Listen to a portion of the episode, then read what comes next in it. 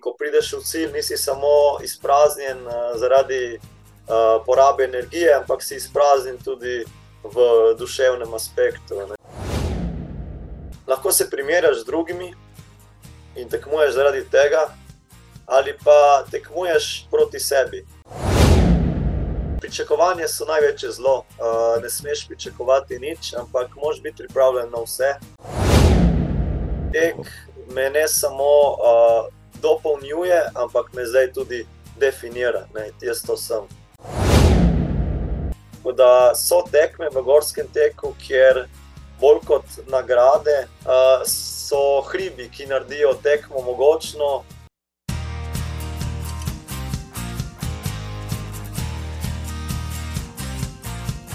Spoštovana publika, drage dame in gospodje, kot slišite, sem se že malo prehladil, kaj se ne bi. Ja, pravkar sem se vrnil iz tople Grčije, iz Atenskega maratona, iz 22 stopinj, pridem v Slovenijo na 3 stopinje ja, in zdaj kašljam. Kašljam, ja, ampak nič ne de. Um, če vas zanima, kako je bilo v Atenah, kar vprašajte me, super je bilo. Um, Iz domovine demokracije sem prišel, ja, pa iz domovine maratonskega teka, cel kupenih tem imam, uh, recimo, ki jih lahko obdelam z marsikom. Moče se danes dotaknemo z mojim gostom, tudi kaj v tej smeri, kdo je z mano. Ja, prepoznali ste ga že. Ja, uh, znate, poznate ta obraz, ta stas, danes pa še glas. Z mano je rok, bratina, rok živo. Živijo, Marko. Um, samo za, za moče bolj občutljive poslušalce in poslušalke. Ja, um, pred uh, pogovorom sem te vprašal, kako naj naglašujem tvoj priimek. Vem, da imaš še en način, jaz kot uh, kleni gorenjec, bi te itak klical, brati nekadarkoli, ampak ni nujno samo to pravke. Ne? Uh, ne, obstaja še ena opcija in je bratina. Uh, skratka, Uh, kot sem že prej omenil, jaz uh, sprejemam obe verziji, ne delam komplikacij. Uh, v glavnem je to samo primek, jaz sem rok. Tudi ro je, da si ve, da sem strok. Tudi, rok, tudi roki, ali kako za prijatelje. Za... Ja, v bistvu roki, ja. za prijatelje, za znance. Tudi na Instagramu imam uporabniško ime roki, ampak to zaradi tega, ker je bilo moje ime že zasedeno, tako da čisto iz praktičnih razlogov. Razčistila sva evo, dve, dve neznanki, ki sta mogoče mučili tvoje oboževalke, no zdaj veste, drage dame, rok, roki, bratina, bratina, evo, z mano. Uh, zakaj je z mano fantastičen tekač, je, ki? Po na vprašanje, ki bom zdaj le postavil, odgovoril, da si danes že tekel rok. Uh, sem tekel, Marko. Ja. Zato, ker imaš stravo, to tudi vem. Povej mi, kje si tekel. Ma, tekel sem nad Tolminom, uh, ne vem, koliko uh, ti je znano, oziroma je poslušalcem znano, uh, ti hribi pod uh, uh, Krnom, uh, nad planino Preto, od planino Sleme. Uh, to so takšni hribi na višini 1500-1600 metrov dosegljivi skozi celotno zimo, tam ne zapade dosti snega. Tako da imam, to so tereni, ker lahko praktično treniram 12 mesecev in je vedno dostopno. Zdaj, v bistvu mi je še bolj fajn, zato ker uh, so se uh, krave poslovile iz planin uh, in imam kar naenkrat vse te travnike zase, uh, ograj ni več, vse je odprto. Tako da, v bistvu, zdaj začutim to pravo svobodo teka, uh, ko se tudi pastiri in uh, živina poslovijo iz uh, planin in uh, sam tečem po hribi. Samotni tekač, torej praviš, ne srečuješ potem veliko sotrpino v tem gor, namenoma ne brž izbiraš te terene za to ali kako. Ma, iskreno, ne, dosti, ni dosti ljudi, ne, ker bi jih srečeval. Res ponavadi, ko pridem na vrh, sem sam na vrhu uh, in tega sem vajen že veliko let. Uh, in po, po eni strani, če me vprašaš iskreno, mi je to tudi všeč, ker uh, imeti vrh zase za tistih nekaj sekund, nekaj minut, ko stojiš na vrhu. Je en lep občutek, in uh, za mene neka popolna stvar. Uh, neko doživetje, ko pozabiš na vse, kar se dogaja v dolini, in si preprosto v tistem trenutku, tukaj in zdaj, na tistem hribu, gledaš v dolino. In to je zanimivo, ne? zanimiv paradoks. Ko si v dolini, gledaš uh, v, na vrh, voziš se z avtom po dolini, opazuješ tisti vrh in si predstavljaš, kako boš čez eno uro že gor. Ko si na vrhu, gledaš v dolino in gledaš tisto cesto, po kateri si se pripeljal. Tako da je res eh, zanimiv paradoks. Ampak uh, ja, mi je všeč in to delam vsak dan. Da, ja. Praviš, uh, kdo je uh, v dolini, ne ve, kaj je na vrhu, kdo pa je na vrhu, pa ve tudi, kaj je v dolini ali kako nekaj podobnega si enkrat ja, zapisal. Ja, to je res. Pač, uh, sem, tisti, ki je na vrhu, je vedno prišel od spodaj. Se pravi, začel je na vznožju. Nihče, ki, nihče se ni rodil na vrhu, če gre za prav na. V bistvu, mhm. ta, ta citat se da lahko uporabiti tudi za življenje. Uh, vedno štartamo na dnu, in če si želimo na vrh, se treba potruditi in priti na vrh. In ko si na vrhu, tudi se zavedaš, da ta vrh ne bo trajal nedogled, ampak sledi tudi trd pristanek na realna tla. In prav to te nauči gorski tek. Uh, pač vsak dan znova, moš priti tudi nazaj v dolino in uh, tudi da ta občutek uh, stika s tlemi, ne, se pravi, da so v življenju usponi in paci.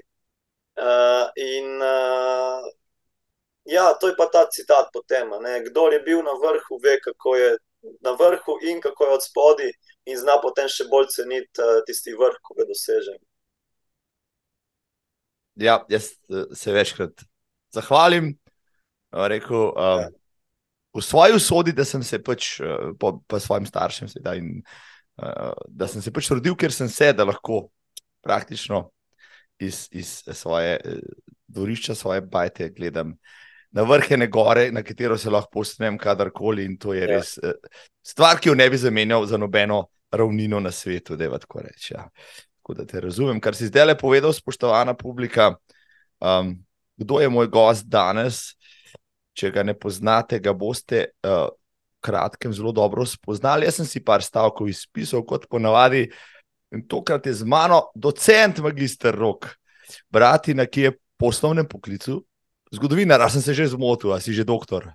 Ne, ne, nisem še docent, uh, sem po osnovni izobrazbi zgodovinar, uh, imam tudi magisterij iz uh, menedžmenta, delam pa doktorat zdaj, ja, na sociologiji. Tako da uh, nisem še docent, bom pa mogoče v, v zelo kratkem času.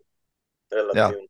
No, evo, vidiš, ko bodo tole poslušalci poslušali čez pol leta, pa gledalke to gledale, bo mogoče to že aktualen naziv uh, za mladeniča, ki prihaja iz Tulmina, ki na fakulteti za uporabne družbene študije v Novi Gorici poučuje družboslovne, sociološke in politološke predmete, kot sem jih uspel razbrati. Sicer pa mladosti kolesar, po hudi nesreči na kolesu, pa se je znašel med tekači na prvi resni tekmi postal državni prvak in reprezentant, in njegova športna pot je bila zapečatena. Izjemen gorski tekač je bil že mladinci, šesti na Evropskem prvenstvu, med člani 17 na svetovnem. Odlično pa se znajde v skyrunning serijah in dirkah na trelih in na gorskih maratonih, v svojih zapisih in posnetkih razpravlja in razmišlja tudi o aktualnostih, pa o politiki. Njegov vzornik pa je Aleksandr Veliki. Aleksandr Veliki, kako to? Aleksandr Veliki je uh, sinonim za nekoga, ki osvaja zemljo. Ne? Uh, v tem smislu je tudi sinonim za nekoga, ki širi uh, neko kulturo. Ne, kot vemo, uh, je Aleksandr Veliki razširil to uh, grško kulturo uh, po celotni Mali Aziji, vse do reke Ind. Uh, in tudi uh, ni bil uh, vladar, ki bi dejansko uh, neko kulturo zatiral, ampak je, jo je pustil, se pravi, je naredil nek miks kultur, se pravi, ta uh, multikulturna družba.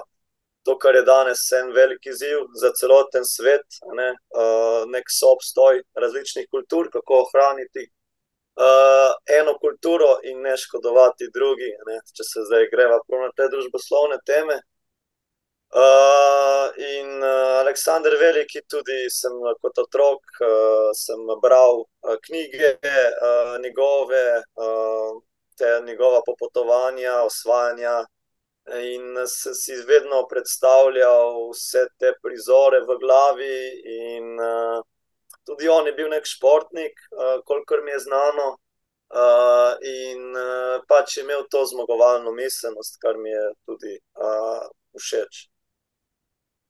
Ja, um, kot sem rekel, vodo, da se vrnem ravno za ten. Ja, tam je marsikaj še iz tistih časov, ja, iz antičnih, pa potem iz rimskih, od Sokrata do Aristotela. In, a, če, če, bi, če bi kdo najboljši učitelj v zgodovini, je bil Aleksandra Velikega, prav gotovo. Ja, Tisti ja. Aristotel, ki ga je poučeval. Da, a, ja, takrat so gojili poleg bogate, uh, razmišljujoče in uh, filozofske kulture, tudi fizično, fizkulturo. Ja, in ti to posebljaš v boje.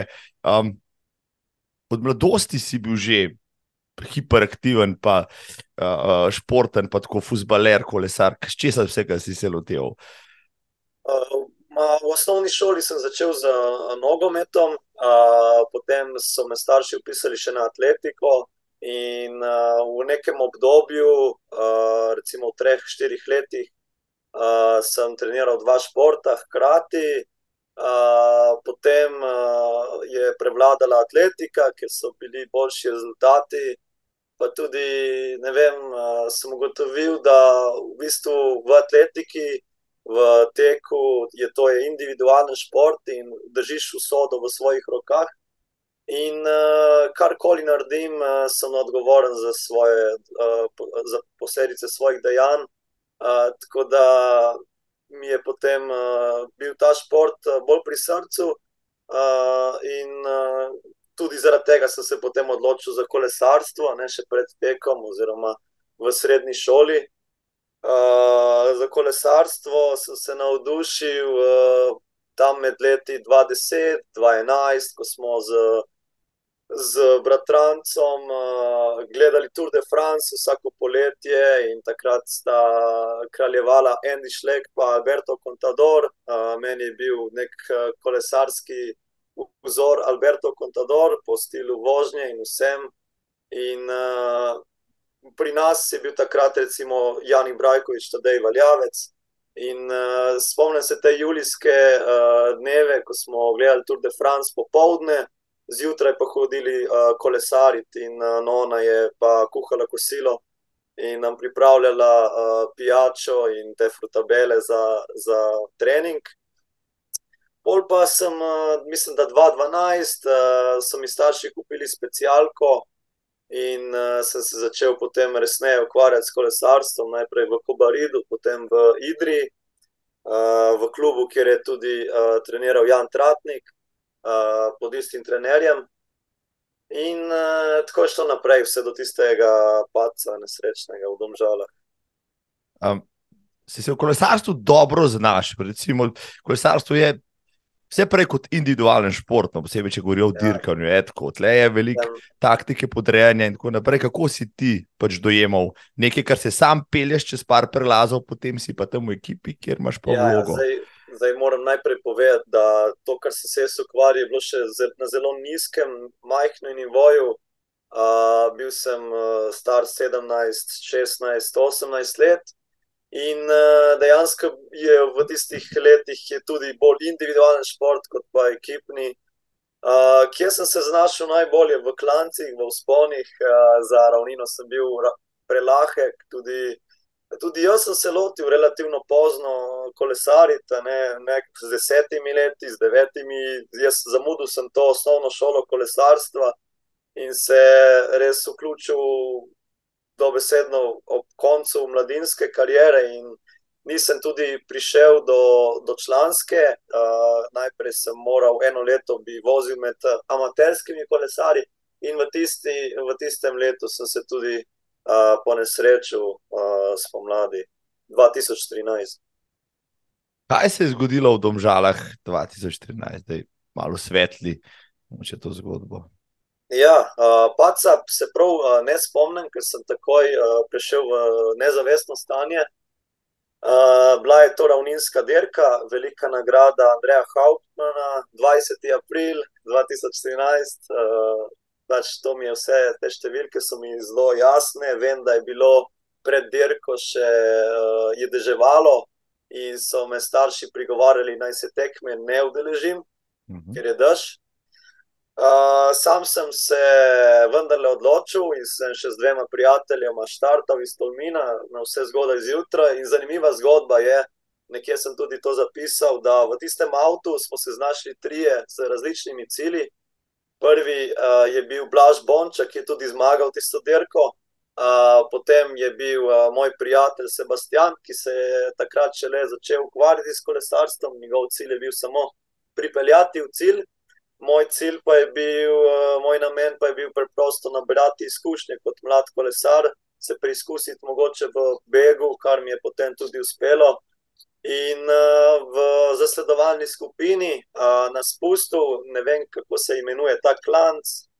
Uh, sem bil zadnji v skupini uh, in dobesedno sem gledal kolesarja uh, pred mano v hrbet, nisem gledal pred sabo, uh, kaj se dogaja na tleh.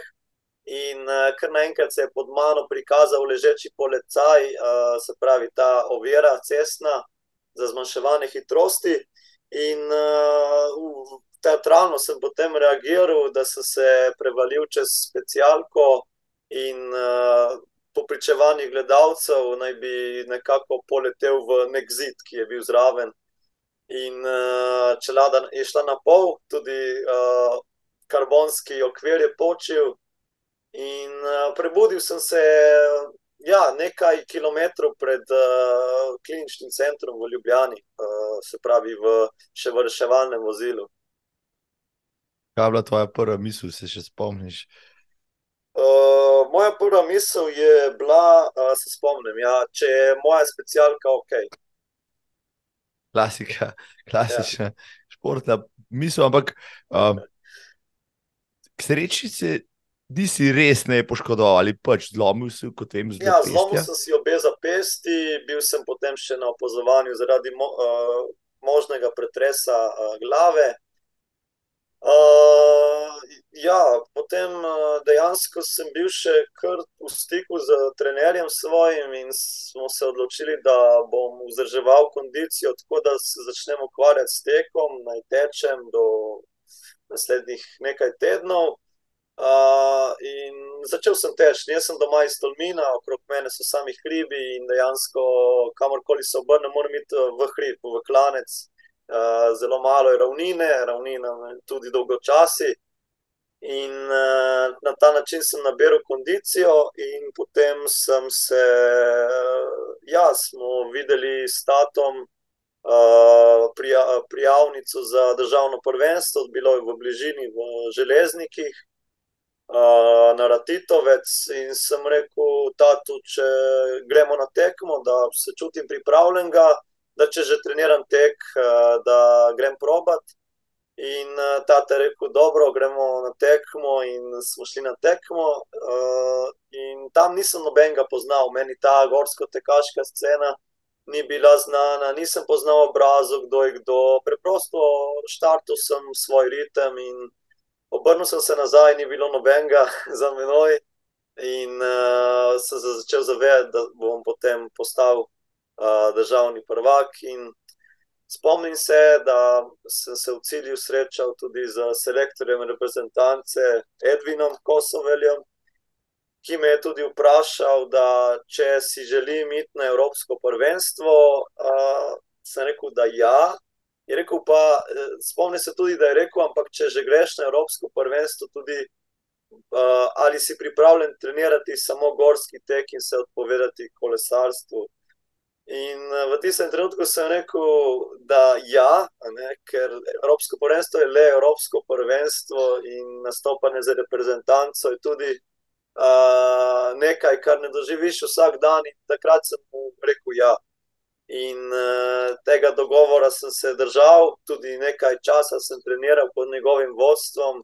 Hodil sem v Novo Gorico, uh, trenirati z uh, se, uh, sestro, uh, hčerko Matejo in uh, bratom Mitijo, ki sta bila takrat uh, pač najboljša v Sloveniji in sem tudi od njih vse ogromno naučil, potem pa sem uh, šel samostojno pot uh, in do danes tudi treniram sam. Uh, tako da mislim, sam izobražujem se glede treningov, uh, preizkušam na sebi različne metodologije.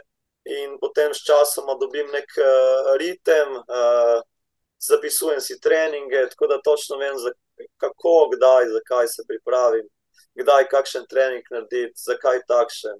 Da, uh, zdaj z leti bi lahko jaz bil trener, recimo. Izvrstno v tem odgovoru si ja. v enem stavku tako strnil. Recimo, uh, vsaj deset mojih vprašanj, ki sem imel pripravljene, od preveč si artikuliran, pa elokventen za mene, očitno. Ja. Uh, lepo si tole urisal v zadnjih deset let, ampak vrnemo se še nazaj na začetek. Ena stvar me res zanima. Ne. Ti si si polomil veze pesti, to ja. si gipsa. Ne. Kako je to izgledalo, ko si treniral v klancu? To si bil pa res kot Silvestr Stallone v roki, je bentiš. Ja, nekako, kot da bi. Uh, uh, imel uh, v teži tiste komate okrog zapestja, ne, ko si daš eh, dve kili, štiri kile. Uh, zanimiv občutek je bil, uh, kot da bi bil nek vitez v oklepu, ki teče po hribi. Ampak. Sigurno si srečal koga, ne? sigurno si še enega zaznal, ki je malo gledal. Ja, ve, veš, kako sem to zakrivil z unimi rokavčki kolesarskimi, ki jih imamo spomladi. Če ne veš, je toplo, je mrzlo, si daš mhm. tiste rokavčke za ogrevanje prvih pol ure. In s tistimi rokavčki sem si prekril uh, uh, gips uh, da, in longeto, uh, in ni bilo uh, dosti videti. Uh, pa ti ni bilo strah ali pa tvojih domačih, zdaj pa yes. okay, če rečeš na hrib, moraš pol tudi še dol, zdaj pa če yeah. Ja. se boš pa dol prekucnil, pa najbrž ne bo dobro, da se potem le uh, malce lomiš gor in dol, ali si pač tako zaupal sam sebi, da si rekel. Zdaj, prav spomnim se, nisem imel strahu, ne, nikoli ga nisem imel. Uh, preprosto, uh, ja, za, samo zaupanje v sebe. No. Res je, ja, pač, uh, da sem treniral, predvsem v klanec in da sem se spuščal počasi, ampak to delam tudi zdaj, ko se fokusiram predvsem na tekme v vertikalu. Uh, dol se ne spuščam več tako hitro, kot bi se, recimo, ko sem treniral Sky Race, sem delal tudi treninge na vzdolj. Uh, zdaj pač ne, uh, je drugačen, uh, so drugačne specifikacije profila. Uh, tako da, ja, tako bolj previden sem bil. No. In starše pa se je seveda skrbelo. Ne, tak, uh, uh, je bil strah, uh, da se jim bo kaj zgodilo, ker se pravi, treniral sem vedno sam. Um, se je kdo vdahnil v tvoji okolici, ko si rekel, kolo bom pustil, zdaj da šel pa na, na gorski tek ali so rekli, joj, joj, joj, joj. Ne, ne, moram priznati, da je bila uh, želja staršev ta, da, da naj se ne ukvarjam uh, več profesionalno s kolesarstvom, ker uh, to verjetno ni, ne bo prva nesreča uh, in bi bila še hujša. Uh, in tudi sam pri sebi vem, da recimo, ko enkrat padeš, uh, je težko biti spet 100% na, spust, uh, 100 na spustih. Uh, in uh, za, če hočeš biti pa uspešen kolesar, pa moraš tvegati tudi na spustih. In uh, kot vidimo danes uh, v sodobnem kolesarstvu, so tudi spusti izjemno pomembni. In uh, spusti včasih odločajo tudi največje tekme. Ja, pa tudi um, kakšno smrtno žrtvo zakrivijo, ja, žali Bog. Ja. Ja, uh, ja. Um, kolesarstvo je nevaren šport. Um, sva pri teku zdaj od tvoje nesreče do tvojega potovanja v Bolgarijo na Evropsko prvenstvo, je minilo koliko časa?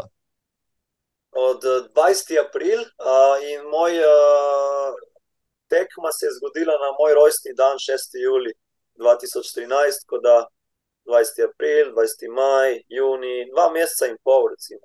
Se pravi, to, da nisi šel še na Evropsko prvenstvo z Gibsom, malo prej si ga dal dol. Uh, ja, sem ga dal malo, sem ga dal dol že na, uh, na Evropskem prvenstvu sem ga imel dol. Uh, na, na državnem prvenstvu na Ratitovcu sem ga imel že dol, in uh, me pa vseeno še bolelo.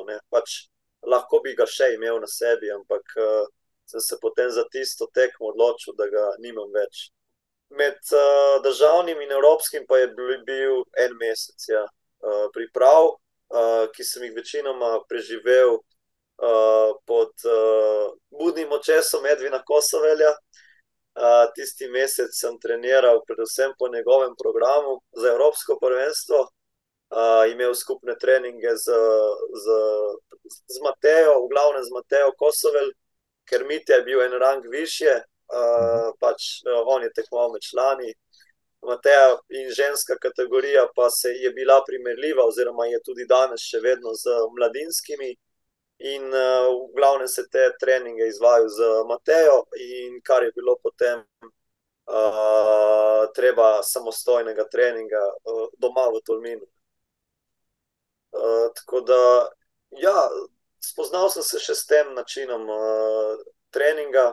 Prej sem bil vajen nekega drugega treninga v kolesarstvu, več poudarka na vzdržljivosti, več ur kolesarjenja, ogromno časa ti pobere, tukaj pa je res bolj specifično trening, uh, točno določen. In, uh, Ja, zanimivo je primerjati. Zanimivo, zanimivo je doživeti oba športa in potem tudi uh, videti uh, principe treninga, kako se razlikujejo. Nisem, vseeno si svoj vrsten fenomen, no, da v dveh mesecih priješ od kolesarja do državnega prvaka in potem reprezentanta. To, to ni uspelo velikih športnikom v Sloveniji, da bi tako le zamenjali disciplino, pa zmagovali. Um, kako so na te, recimo, gledali, ali pa kako si najprej ti mi povej, kako si ti gledal potem. Ok, šel si parkrat teč v hrib, potem si šel na državno in dobil to dirko. Pa si rekel, ali, ali sem jaz res tako dober, ali v Sloveniji noben ne zna gorskega teka trenirati, da jih na prvi tekmi po enem mesecu že vse uh, pustim za sabo ali kako. Ja, uh, glede na to, da nisem poznal uh, svojih sotekmovalcev, uh, sem se, mogoče sem se takrat spraševal, mogoče pa uh, res uh, tudi ostali fanti še ne trenirajo toliko, ali pa je ta šport res ne, specifičen glede uh, načina treninga. Ker ne vem. Ne obstaja nek trener, ki bi se ukvarjal samo z gorskim tekom, vsaj takrat ni obstajal. In uh, vedel pa sem, da v bistvu, in kasneje sem to potem uh, dobil te potrditve iz, uh, od drugih uh, ljudi iz tujine, da v gorski teh zahajajo uh, športniki iz različnih uh, disciplin, ali je mhm. to turno smučanje, kolesarstvo, tek na smučeh. Ne na zadnje je moja generacija bila tudi uh, Lea Einfalt uh, in tudi Kaj, ona je isto tekmo. Smučeš. Ja, in je bila tudi ona, mislim, da mladinska državna prvakinja, uh, isti dan kot jaz. Uh, tako da tudi, tudi ona je dokazala, pač, da uh, gorski tek je nek specifičen šport in uh, vsakemu ustreza nek svoj režim treninga. Jaz vem, da še vedno dosti kolesarim. Uh, ker je to najboljši približek uh, strvim gorskim tekom. Uh, in pa iskreno priznam, da po ravnem nikoli ne treniram, uh, ker uh, prvič mi je dolgočasno, drugič to nisem jaz. In uh, tretjič, uh, nimam neke nagrade v smislu razgleda v dolini. Zato v klanec zmeri. Se, se pravi, tebe se ne bi dalo zvabiti na ravninski cestni maraton ali pa kaj tasga. Hm. Ja, ravno zadnjič sem z enim kolegom govoril, uh, da je ja, zanimivo, da tekel sem tri gorske maratone in še nobenega ravninskega. Tekel sem dva v Podbrdu, 42, pa še enega na, na Tenerifih, ki je moj najdaljši, 46 km. In uh, ja, na treningu sem že pretekel uh, tudi 50 km. Uh, ampak ravninskega maratona, pa ja, ne vem, kako bi se znašel po teh ulicah. uh, je res je neko psihološko vprašanje, vse skupaj. Zato, ker ko tečeš gorski maraton, vedno imaš pred seboj en hrib, naslednji hrib, in si se fokusiraš samo na tisti hrib, ga premagaš, in recimo za tabo je 10 km. Veš po profilu, da bo naslednjih 7 km spust, in za teboj je že 17 km. In veš potem, da te čakajo vem, še tri vzponi, in, in gorski maraton, čeprav traja več ur, 3, 4, 5 ur, hitreje mine. V, je, je res čas, je relativen. Zato, ker v naravninskem maratonu pa si bolj fokusiran na tempo, na vsak kilometr posebej. Uh, ulice se ne spremenjajo, niti pročelja stavb ne opaziš, ker si tako fokusiran na svojo uro, na svoj ritem, na tekmovalce pred tabo in ob tebi. Uh, tukaj pa v bistvu si pozoren tudi na naravo, opazuješ okolico in je res neko, uh, neka avantura, je ta gorski maraton, neko popotovanje. In ko prideš v cilj, nisi samo izpraznjen uh, zaradi uh, porabe energije, ampak si izpraznjen tudi v duševnem aspektu. Ne? Se pravi, vid, doživel si nekaj, kar bi recimo nek uh, povprečen planinec, pohodnik, uh, potreboval 15-16 ur, ti pa si to doživel v 3-4 urah. Ne? In res greš potem izpraznjen v posteljo, konec dneva in v miru zaspiš. To si tako lepo poetično povedal. Uh, je ta misel, ki si jo napisal, mislim, da na Instagram, da je največja zmaga, da porazi sam sebe, v bistvu to, kar si zdaj le govoril. Ja, uh, jaz vedno trdim, da ne, pač, res je, da je to, tekmovanje so. Tekmovanje so, uh, imaš dve opcije. Ne? Lahko se primerjaš z drugimi in tekmuješ zaradi tega, ali pa tekmuješ proti sebi. Če je ta opcija druga opcija, potem mislim, da se razbremeniš nekega pritiska, in, uh, in tudi rezultatsko, potem uh, nisi več obremenjen, kje si na lestvici, kdo je pred tabo, kdo je za teboj, ampak si preprosto. Uh, Ti sam sebi največji sovražnik, tvoja glava, tvoj um, ki ga poskušaš uh, predstaviti na neko stopno više, Uh, in moram iskreno priznati, Marko, da v času uh, COVID-a, ko ni bilo tekmovanj, jaz sem tisto leto uh, treniral ravno tako, kot bi se pripravljal za tekmovanja, iste treninge, motivacija na isti, uh, istem nivoju, če ne celo više. Uh, samo, ker sem tekmoval proti sebi. In, uh, in tudi zdaj, ko je konec sezone, konec teh tekmovanj, jaz. Uh, treniram, kot bi bile tekme še naprej, ker je to meni uh, res uh, to premagovanje samega sebe, vsak dan znova, uh, je nekaj, kar uh, v bistvu uh, ti pomaga tudi na ostalih področjih uh, uh, v življenju. Tako da res, uh, ja, uh, se strinjam s tem citatom, dobesedno in ga imam. Utelešenega v sebi.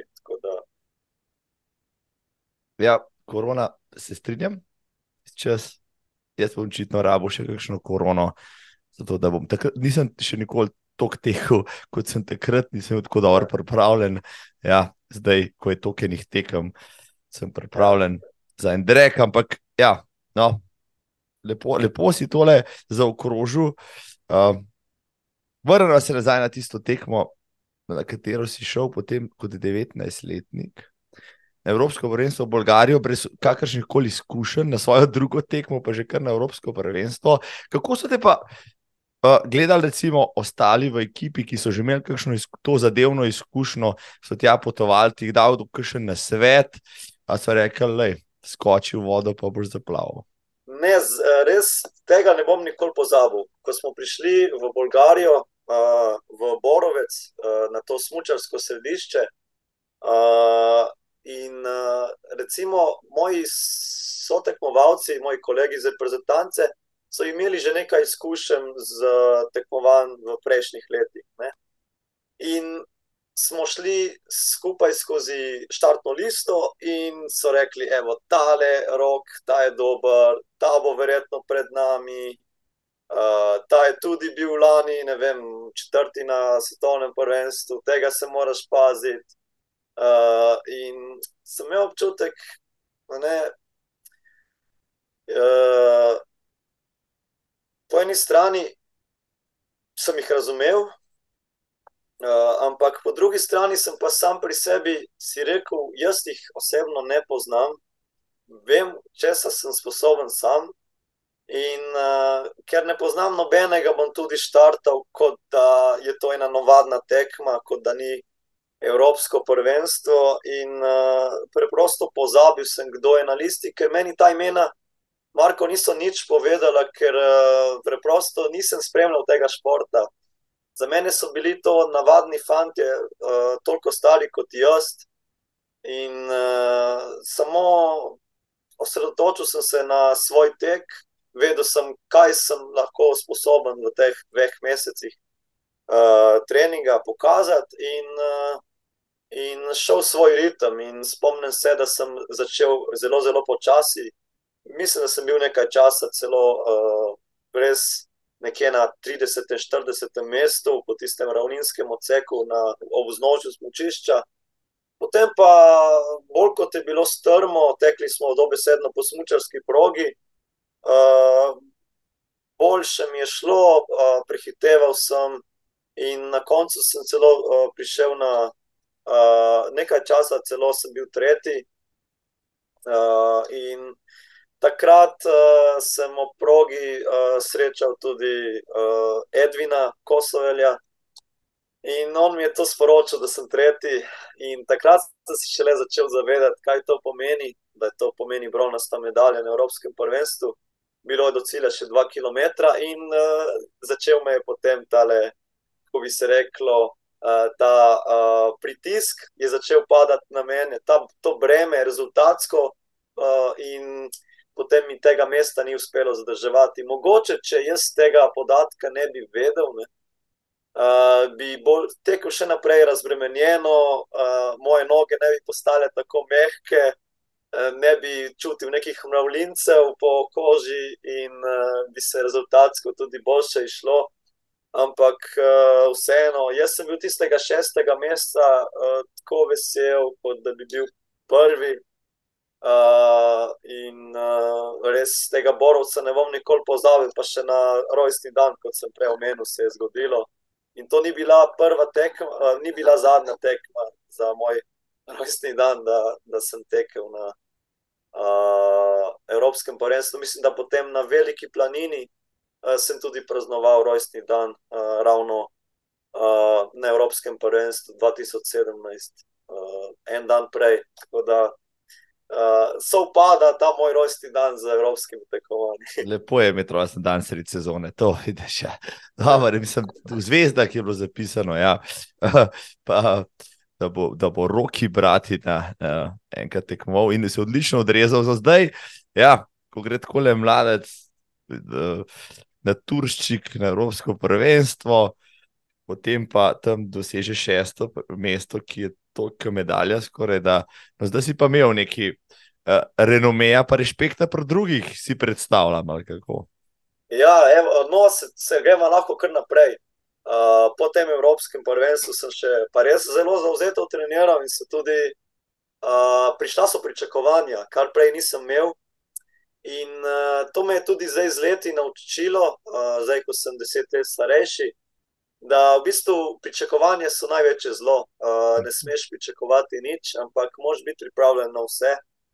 Ker ko pridejo pričakovanja, uh, ali so to rezultatska, ali so to čisto navadna, časovna, potem si, si nekako postavljaš si mejo.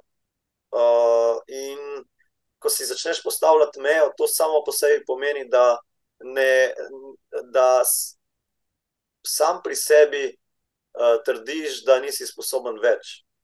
Se pravi, ti si zapreš neko zgornjo mejo, vem, cilj je medalja na svetovnem prvenstvu, in, uh, in razmišljaš samo o tej medalji uh, na podlagi rezultata iz Evropskega, in misliš, da bo vse tako, kot je bilo na Evropskem. In, in kaj se zgodi potem, Marko, na treningu ne uživaš več, zato ker razmišljaš samo o rezultatskih ciljih.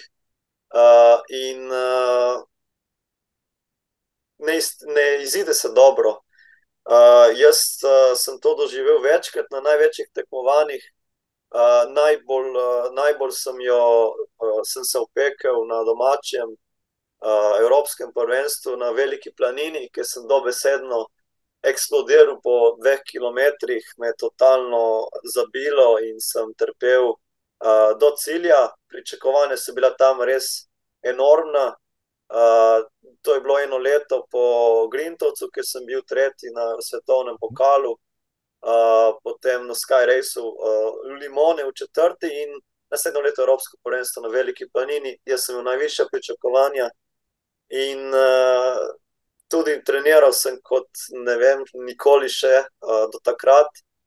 In na dan tekme tisti prvi kilometr je še šlo, potem pa enostavno, Marko, kot da bi prvič tekel, uh, noge mehke, brez energije, brez nič, brez uh, totalno privlekel sem se na vrh velike planine in bilo je tako mi težko, ker so me čakali najbližji na vrhu za slovensko zastavo. In uh, jaz sem se pa že. 10 km pred ciljem uh, utrujal in ubijal, in uh, za tisto 50. mesto, ker mi enostavno nič ne pomeni, in bi danes bi odstopil. Ampak uh, takrat sem uh, dobesedno privlekel se do cilja, in res mi je bilo žal vseh, uh, in tudi draga šola za mene, uh, glede uh, pričakovanj, ker res uh, nikoli, nikoli ne smeš napovedovati prihodnosti na podlagi preteklih rezultatov. Rezultati preteklih so eno, uh, jutri je nov dan, je nova tekma, in, in vse, kar se je zgodilo v, v preteklosti, ne šteje popolnoma nič, je samo za, za zgodovino pisje, za statistiko, uh, mogoče za motivacijo, za pričakovanje, pa sigurno ne. Uh, in to zdaj, pri 29 letih, to dobro vem. In ja, zdaj samo še uživam v teku in nisem nekako obremenjen. Rezultati prihajajo sami od sebe, če sem iskren. Uh, se ne obremenjujem dosti in predvsem uživam v, v tem športu danes, ne, če greva zdaj deset let naprej. Takrat pa ja, in tudi ja, do tistega obdobja pred COVID-om, tisti tri, štiri leta, Uh, res uh, so bili rezultati bolj pomembni kot pa izkušnja, danes je obratno. In, in tudi, ko, ko je obratno, potem sami po sebi pridejo tudi rezultati. Je prav zanimivo, ampak tako je. Zdaj si predstavljam, ja, da sliši se. Moče lažje kot je najprej. V ja. Težko se je otresti teh pričakovanj, težko je nehati ekstrapolirati zadev. Ležati večer v posli in razmišljati, ne? kaj vse bi pa boš, pa bi bilo fajn in tako naprej. Ne? Zdaj mi povej dve stvari, ker vem, da si veliko o tem razmišljal. Ali, ali mlad uh, atlet, tekač, športnik, karkoli že, morda kdo, ki to posluša, ne? lahko v bistvu sploh gre um, oziroma napreduje do zori, tako kot si ti, brez tega, da bi to dal skozi. Hočem reči, ne? ali moraš pač nekajkrat um, fejlati, izgoreti. Uh, se uničiti, pa naučiti, pa potem to ponotraniti, in potem z tega zrasti in dozoreti, je lahko moče ta pot uh, tudi se učiti na, drugih, na, na napakah drugih in potem to preskočiti na en način. Želel bi si, da ja, da bi se lahko učil na napakah drugih, ampak uh, vsaj pri meni uh, to ne deluje. Uh, mislim, da moraš to izkusiti na sebi. To žal je pač tako. Uh, treba je izkusiti na lastni koži, in prej kot to izkusiš, boljše je. Uh, ker uh, ne vem, kako bi se izrazil, ampak uh, uh, na splošno v življenju je, so najboljše, najboljša šola je tista, ki, ki, uh, ki jo sam narediš, ne, opraviš, oziroma fejlaš. Uh, in tudi treniram, zdaj ko treniram sam uh, svoj program, eksperimentiram s svojim telesom in se največ naučim. Sej, uh, napake se še vedno pojavljajo. In, in hvala Bogu, da se, ker to pomeni, da imam še prostora za napredek. Bom, ne vem, tudi kar se tiče poškodb, uh, Marko, zmeraj mislim, da sem dosegel vse, kar se tiče poškodb, ampak pride neka nova stvar. In uh, ko si poškodovan, se izobražuješ glede tiste poškodbe, in naslednji dan, kaj se zgodi potem, kaj je posledica tega ja, povečaš, eh, podaljšaš pet minut, uh, stretching, uh, si pozoren na neko novo mišico, narediš eno vajo več in, uh, in greš naprej. Ampak to ne pomeni, da, boš, da boš s tem tudi zaključil s uh, poškodbami, ampak uh, samo več, uh, bolje poznaš svoje telo uh, in uh, veš, kakšne so zakonitosti uh, teka. Tako da, ja, jaz bi rekel, da Sej, če bi bil jaz trener, uh, sej bi lahko rekel, da ne biti rezultatsko, uh, ne se obremenjevati rezultatsko, samo pojdite teč. Ampak težava je ta, da ne vem, v kolikšni meri se mladi odločajo za ta šport, samo zato, ker, ker jim je to v užitek. Uh, jaz, jaz sem prišel skozi stranska vrata, ker je bil to šport. Uh, neka alternativa kolesarstvu takrat, ampak sem takoj na srečo uh, zmagal državno prvenstvo, ker če bi bil mogoče deseti, bi še vedno kolesaril. Uh, se pravi, jaz sem ta primer, ker uh, so ga rezultati ohranili v gorskem teku, ampak potem z leti spoznaš, da uh, na dolgi rok tako ne bo šlo. Uh, ne, Moš spustiti rezultate, ne razmišljati več od njih ampak uh, preprosto se prepustiti treningu, imeti ta šport kot uh, nek način življenja in tekme kot najboljši trening. In potem tudi sam napreduješ in si vsako leto uh, boljši. Da, ja, lastna koža, na svoji koži treba praviti. V izkušnjah, spoštovana publika, mi govori, zelo zrel 29-letnik, ja, ki se na tekmah, med drugim, pa bode z 50-plus letniki, ki so še vedno žilavi in tekmovalni. Zdaj ni bi mogel vprašati, ampak kako pa, kako pa ti gledaš na te rekel, večne zimzelene veterane, ki jih uh, rekel, tudi ti moraš kdaj gledati v hrbet. Ja.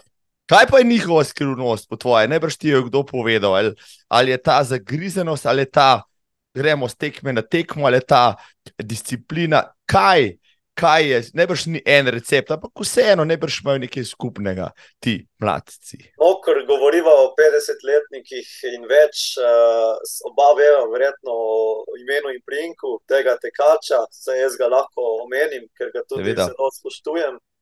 Uh, Miren svet. Tako, tako. Uh, samo en primer, potem lahko našteva še Simona Aliča, mirno ga lahko našteva zraven. Uh, oba sta se lotila tega relativno pozno, ne, v 30-ih. Uh, eh, tako da to je en dejavnik, mogoče, uh, če greva po dejavnikih. Uh, drugi dejavnik je specializacija. Oba sta, bila, sta se specializirala za točno določeno disciplino, za točno določeno časovno uh, enoto, uh, 30-40 minut teka, 50 minut teka. In uh, na ta način sta tudi prilagodila svoj trening in ne delata več, kot je treba. Se pravi, uh, naredita optimalen trening uh, v časovni enoti tekme. In uh, kaj pomeni to, da imata 50 let in več? To, meni je to iskreno, uh, ko pomislim, da sem star 29 let, si rečem, še 20 let časa imam, da, da uresničim svoje sanje. Tako da mi je po eni strani uh, super, se pravi, če zdaj treniram 10 let, imam zdaj še 20 let na voljo, da, da dosežem vse, kar si si zastavil. Uh, po drugi strani je to tudi neka potrditev, da je treba trenirati vsak dan, da je treba biti discipliniran, imeti neko rutino, uh, skrbeti za svoje telo, prehrana in tako naprej. Uh, ker uh, očitno se da, ne? očitno se da, leta niso ovira. Uh, mislim, da so leta samo spet statističen podatek, so pripraven način, kako ljudje uh, uh, v bistvu se pozicioniramo, uh, kje smo v našem časovnem uh, obdobju, v našem življenju. Ampak to ne pomeni nič. Nekdo, ki je star 40 let, lahko teče kot nekdo, ki je star 22 let. Nekdo, ki je star 15 let, pa ne doseže tistega, ki, uh, kar dosega 35-letnik. Uh, tako da jaz mislim, da je, da je narava, nič, ljudje narave ne razumemo, uh, do potankosti. Uh, in uh, jaz verjamem v to, da se ljudje različno staramo, odvisno pač. Uh, mislim, da je kdo giba, kdo se ukvarja s športom, uh, cirkulacija krvi, vse poteka nekako drugače. In, uh, in jaz mislim, da mirno lahko rečemo, da, da bodo v vzdržljivostnih športih, predvsem, uh, sploh v vzdržljivostnih športih, uh, se bodo kot najboljša leta res izkazala za nekje v, med 45 in 50 letom, ker takrat uh, človek najbolj dozori, uh, predvsem v glavi, če ne telesno. Uh, tako da, uh, ja, meni, meni je to všeč, meni je to všeč in neka potrditev, da kar se tiče tega, znanost uh, še ni prišla do nekih uh, relevantnih podatkov, da to, ne vem, včasih 10-15 let nazaj so nogometaši zaključevali kariero ob taki starosti, kot sem zdaj jaz, 29-30 let. Danes imamo primere, ne vem, kolesarja Valverdeja uh, ali pa uh, Jeremy Thomas uh, in druge, uh, Roglič, recimo tudi Primož Roglič, en lep primer. Uh, kako v bistvu je samo neka skrb za telo, hrana, spanje, počitek, uh, trening, pravilen način treniranja in predvsem glava, tisto, kar, uh, kar te ohranja vitalnega uh, skozi uh, daljše časovno obdobje. In mislim, da tudi stretching je zelo pomemben, ta fleksi, fleksibilnost uh, udov, uh, ker starostjo mislim, da je to potem problem. Uh, tako da tudi na tem je treba delati, uh, mišična masa in vse. Uh, in če to delaš vsak dan, da nimaš nekih uh, obdobij, ko ne tečeš, ne vem, težko se je vrniti nazaj. Če ne tečeš dve leti, če ne treniraš dve leti in potem pričakovati, da boš prišel nazaj, takrat pa je v bistvu je že res uh, težko. Ne? Tako da je uh, kontinuiteta je zelo pomembna, kontinuiteta uh, ustrajnost, potrpežljivost, uh, uh, disciplina, z eno besedo.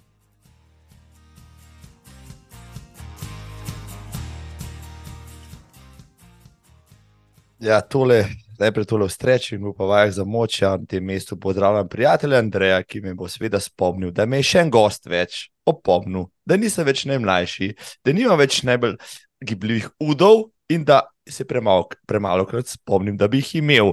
Tako da, hvala, rok, da si me tudi ti opomnil, kaj moram še delati. Evo, uh, k sreči imam že dve leti, pa pol standing desk, spoštovana publika, tisti, ki me samo poslušate. Jaz stojim, ko tole počnem, vsaj neki. Vsaj neki, vsaj razgibam stopalne mišice, če že drugega ne, pa se malo raztegujem. Um, mi je pa všeč, kako si zaključil uh, tole misel. Še, še zmeraj trdiš, da In to sem sam, zelo zanimivo, sem potem ugotovil, še celo v kolumni zapisal. Ne rabimo motivacije, če imamo disciplino.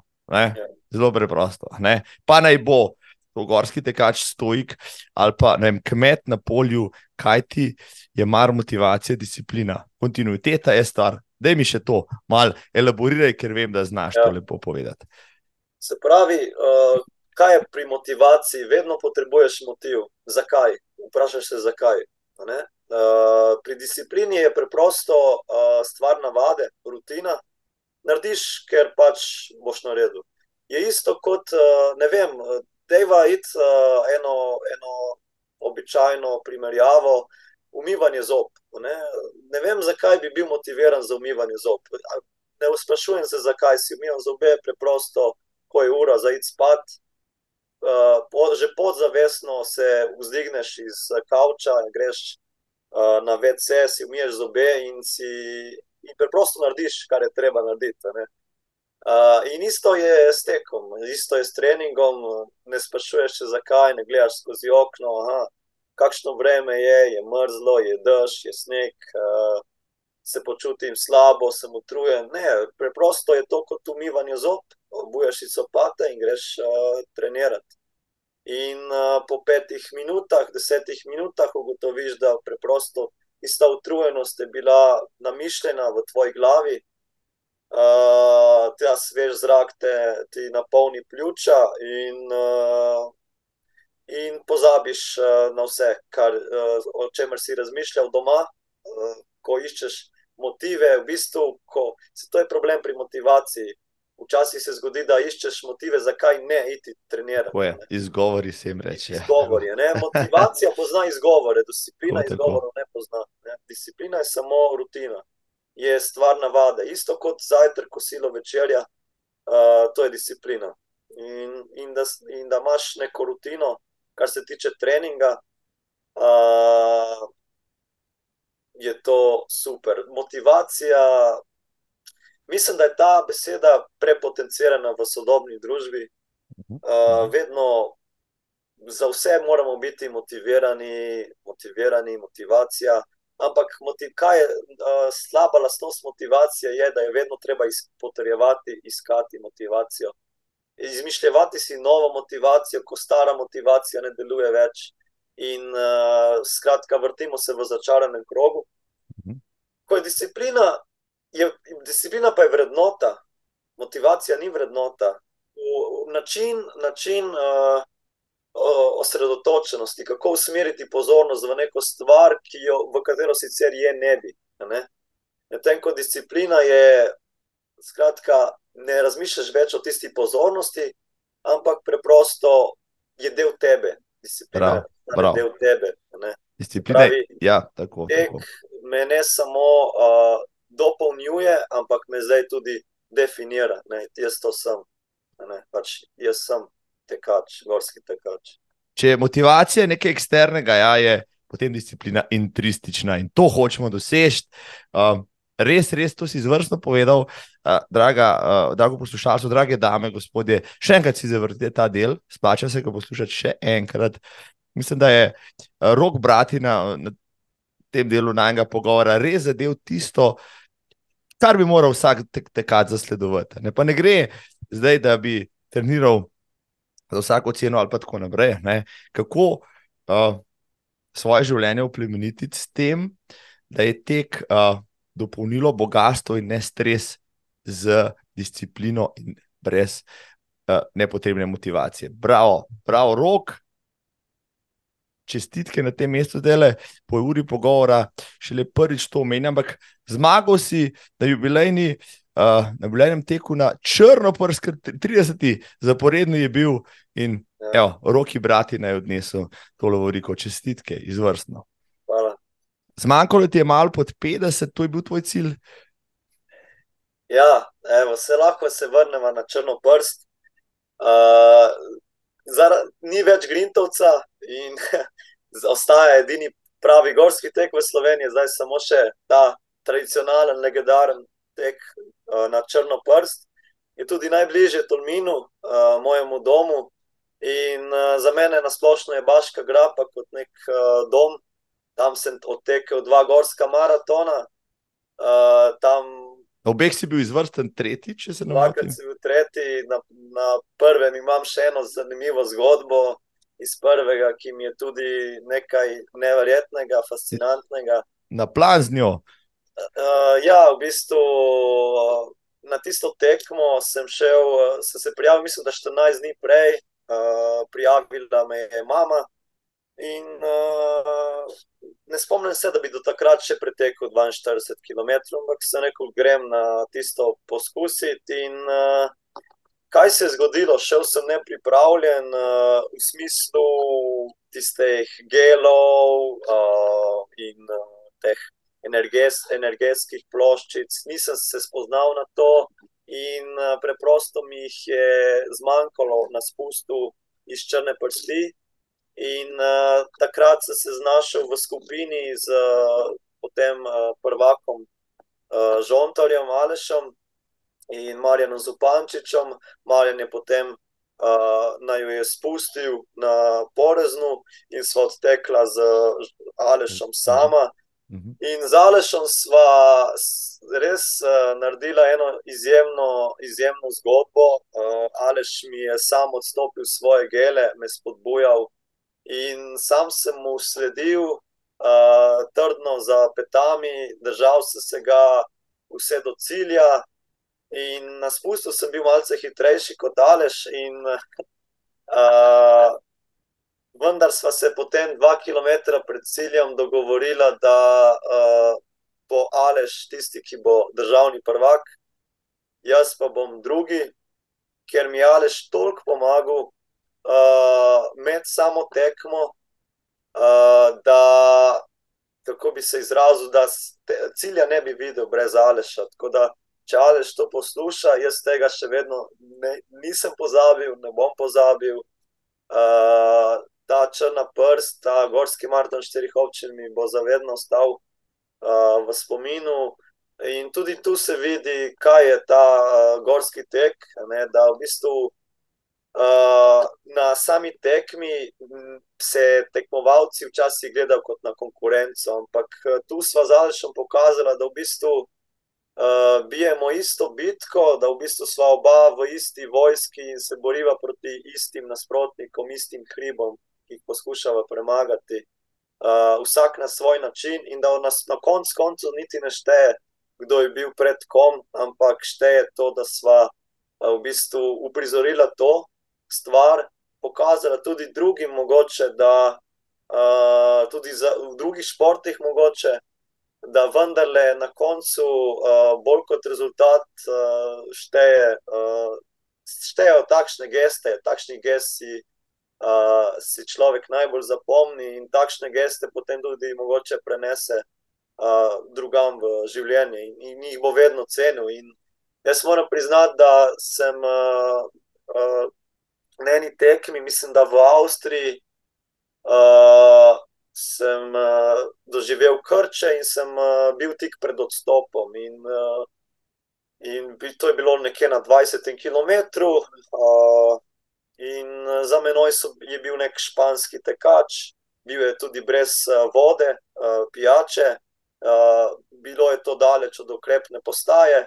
In uh, preprosto dal sem vse, kar imam, sam sem odtrgal štartno številko, odstopil on pa je potem s tisto mojo pijačo odtekel naprej. Tako da uh, to je tek. To, uh, res uh, so te zgodbe res zanimive uh, in, in se jih spomniš. Zato ta zgodba izpod brda, ne? zdaj če se vrnemo nazaj na letošnjo tekmo. Uh, ta tekma mi. Jaz na črno prst grem večkrat trenirati, ampak nikoli nisem šel uh, Tele. Te tekme, gorskega uh mhm. -huh. teka, samo gor. Uh, na treningu sem že tekel pod 50 minut, to lahko povem. Tem, ja. uh, ampak uh, ja, to pomeni, da, da se da tisti rekord podreti. Uh, in tudi na ta čas sem štartal letos v Podbrdu. Uh, po eni strani sem se zavedal, da bo težko, ker uh, na ušesa mi je prišlo, da ne bo najboljša konkurenca. Uh, in ponavadi pride s konkurenco tudi uh, s temi sotekmovalci, uh, boljši časi, ker se pač en, eden drugega preganjamo. Uh, ko pa tečeš sam, uh, potem moraš res najti tisti pravi ritem, ker ta tekma je ni sprint in ni gorski maraton. In če v startu zgrešiš ritem, potem plačaš davek in trpiš do vrha. Ne. Tako da uh, sam sem res začel zelo hitro. Uh, po moji uri sem bil na prvih dveh kilometrih uh, na rekordnem času, ampak uh, sem se potem uh, spet uh, ustrašil te ure. Uh, tudi do takrat nisem uh, tekel uh, tekmovan nad 50 minut, na 40 minut, tekel sem kratke vertikale, okoli 30 minut, in nisem vedel, kako bo delovalo moje telo s takim tempom do vrha, in sem se potem v podzavesti uh, ustavil. Uh, Ustavil na rekovajih, deset minut sem uh, malce zmanjšal tempo, potem pa se o, ob gozni meji spet uh, vrnil v stari ritem, in na koncu mi je malo zmanjkalo tistih nekaj sekund za pod 50, kar pa je v bistvu uh, pozitivno, zato ker vem, da bom drugo leto spet prišel. zato ker mi teh uh, nekaj sekund uh, me je tako razjezilo. Uh, in uh, moram priti uh, drugo leto na črno prst, tako da zdaj lahko obljubim, da pridem drugo leto na črno prst, uh, provat ta čas ne samo izboljšati, ampak tudi ogroziti tisti uh, čas od uh, Lamovca, Petra, kar je pa res, uh, kako bi rekel, uh, astronomski, vesoljski. Petr je bil takrat, mislim, da svetovni mladinski podprvak in je bil v uh, izjemni formi. Tako da tu se samo pokaže, da v bistvu mora biti na takih, za tak čas vsi pogoji izpolnjeni, temperatura. Uh, Vreme, konkurenca, uh, ti moraš biti pripravljen, uh, tvoja dnevna forma mora biti takšna, kot uh, je treba. Vse moraš timati in se zgodi ta čas. Pač gorski tek ni atletika, ni to 400 metrov, 100 metrov, ker veš približno čas, kaj bo, če bo. Uh, gorski tek govorimo lahko o minutah v slabšem času, o minutah v boljšem času. Uh, odvisno, mogoče naslednjič bo dejavnik veter, bo močen veter, ki ti bo pihal v hrbet izpod brda na vzgor in te bo dvignil. Vse ne moš vedeti. Ne?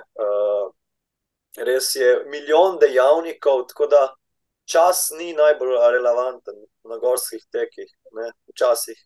Včasih je si se potrudil več, kot si v boljši formi, kot recimo v prejšnjih letih pa je tvoj čas dve minuti slabši. Ampak to ne pomeni, da si ti za dve minuti slabši od lani, ampak preprosto pogoji ti niso dali, da bi ti odtekel boljše. Ne? To se premalo zavedamo v gorskem teku, ko gledamo te čase in primerjamo s prejšnjimi leti. Ja, moramo ja. tudi vedeti, da je, da je vreme izjemen, izjemen dejavnik lahko je 3 stopinje, lahko jih je 23, recimo, lahko je dež ali sonce in tako naprej. Ja, ja. In vsak je šel kdajkoli v hrib, ne samo na črno prst, ker ja. vemo, da že štartaš skoraj navpično ven, pa potem malo poravnaš, pa spet naprej. Tako da tam je, ja. tam, ja, tam vsak grif uh, pomeni lahko sekunde. Tako da uh, nisi postal državni prvak, čeprav si zmagal, ker. Razlog je, ker si pač ker si član ja, italijanskega društva, uh, kluba? Ja. Od uh, leta 2016 sem član uh, Unione Sportiva Aldo Moro Paluca, tukaj uh, iz Furlanije, Julijske krajine. Uh, in uh, ja, nisem uh, registriran za, noben, uh, za nobeno slovensko društvo, in preprosto pravilnik je tak, da lahko državni naslov dobi samo tisti, ki je uh, član slovenskega kluba, Uh, zdaj, mi je to, kaj pomeni. Mm -hmm. no. uh, iskreno bom rekel, da po eni strani ja, zato ker je to edina medalja, ki mi še manjka v svoji zbirki. Uh, bil sem mladinski državni prvak, dvakrat, članski pa nikoli. In uh, letos je bila ta možnost, in nisem postal, tako da komplet zbirke ne bo. Uh, po drugi strani pa se ne obremenjujem kaj dosti, to ne pomeni zdaj, da bom drugo leto zaradi tega, tega dogodka tekmoval za slovenski klub. Uh, preprosto so tekme, kjer preprosto greš zato, ker je hrib sam po sebi legendaren, uh, ti vzbuja neke emocije, poznaš ga že od otroštva. Uh, Nan si hodil kot uh, desetletnik, devetletnik, starši s prijatelji, in preprosto ti nekaj pomeni, čeprav bi bila to mogoče samo ena navadna vaška tekma. in ne državno prvenstvo, bi se znašel na štartu. Tako da so tekme v gorskem teku, kjer bolj kot nagrade, ne, ki pridejo, neka priznanja, denarne ali pa ne vem, medalje strani atletskih zvez. So hribi, ki naredijo tekmo mogočno, in recimo takšen, takšen tek je bil tek na Grintovs, kjer bi šel preprosto vedno, ne, ker te je preprosto nek magnet. Hribi so nek magnet, in uh, ni treba, da si za to vedno nagrajen, pač pa je že sam sebe se okronaš, ko prideš prvi v cilj. In črna prst je tak simboličen hrib za me. Uh, in uh, nisem se potem kaj dosti obremenjeval s tem, uh, ker uh, jaz mislim, da ko bom starejši, čez kakšnih 10-15 let, uh, mi ta medalja ne bo pomenila kaj dosti, bila bi samo ena izmed tistih, ki se nabirajo v sobi in se na njej nabira prah. Mislim, da šteje, to ugotavljam vsako leto bolj uh, izkušnja, izkušnja, izkušnja. In uh, črnoprsti bom leto zagotovo zapomnil, zato ker so se vrnili tisti navijači, ki so bili, ki so me opazovali leta 2015-2014, ko sem tekel gorski maraton. In ti navijači, isti navijači, so bili ob progi in teči samo zaradi teh navijačev. Uh, je bilo za mene izjemno, uh, prav na elektrena koža. Uh, in, in zaradi tega imam tako rad tudi ta šport, uh, tudi zaradi uh, navijačev in spodbujanja v progi, to je res nevrjetno in spodbuda za mene. Tako da, uh, super. To, tako lepo govoriš o črni prsti, da bi ja. se uh, ja, tvoj sogovornik ne, po njih 12-13 letih spet željan podal tiste strmine. Ja, nisem več tako slog, pa tako natreniran, ampak ni hudir, da spet ne grem tja. Nikoli bom pozabil, tako kislih nog po 500 metrih nisem pa imel še nikjer kot tam. Ampak, ko priješ pa na prvo rahlo ravnico, ne, se ti pa nebesa odpro, ne pa znaš ceniti vse ravnice. Tako da, um, čestitke rok še enkrat, uh, bomo zdaj spremljali uh, izvedbo naslednje leto, pa te čase, kilometrske, ne ti privoščim. Ja, ob svojem 30. rojstnem dnevu. Ja. Pa postaviš pa absolutni rekord tam gor. Um, zakaj italijanski klub, mimo grede, že od leta 2016? Ja, to se je zgodilo na eni tekmi uh, v Trbižu, bila je tekma na svete Višarje. In bil sem star, mislim, da 20, 21 let. In uh, sem uh, prišel v cilj četrti, takoj za njihovim najboljšim članom, uh, Michaelom Galasijem, In uh, po tekmi je do mene pristopil uh, ta uh, trener, direktor ekipe, Andrej Dicenta. Uh, on je v bistvu bolj znan, je njegov brat Giorgio Dicenta, ki je olimpijski prvak v teku na smočeh na 50 km iz Torina no. 2006. Uh, in uh, Vprašal me je, če bi tekmoval za njihov klub, da mi preprosto ponudijo vse italijansko licenco, FIDAL, se pravi Federazione Atletica Leggera, in nastope na vseh teh najpomembnejših italijanskih tekmah, državnih prvenstvih, kjer imajo pravico nastopa samo člani italijanskih klubov in uh, države, ne, uh, državljani Italije. In eh, preprosto se rekel, ja, zato ker uh, vedel pa sem, da Italija je to večkrat tudi zapišem. Se nekje sem zapisal, da Italija je v gorskem teku to, kar je Brazilija v nogometu. In preprosto vem, da biti 20 ali pa 15 na italijanskem državnem prvenstvu je, je huda borba, huda bitka, ampak to ne pomeni potem, uh, da si karkoli uh, da si slab tekač, ker si v 15 na prvenstvu. To samo pomeni, kako močna je Italija, kako močni so tekmovalci, kako težko je priti v reprezentanco. Da nekdo, ki je bil v reprezentanci lani, to ne pomeni, da bo naslednjo leto sploh prišel med prvih 15 najboljših.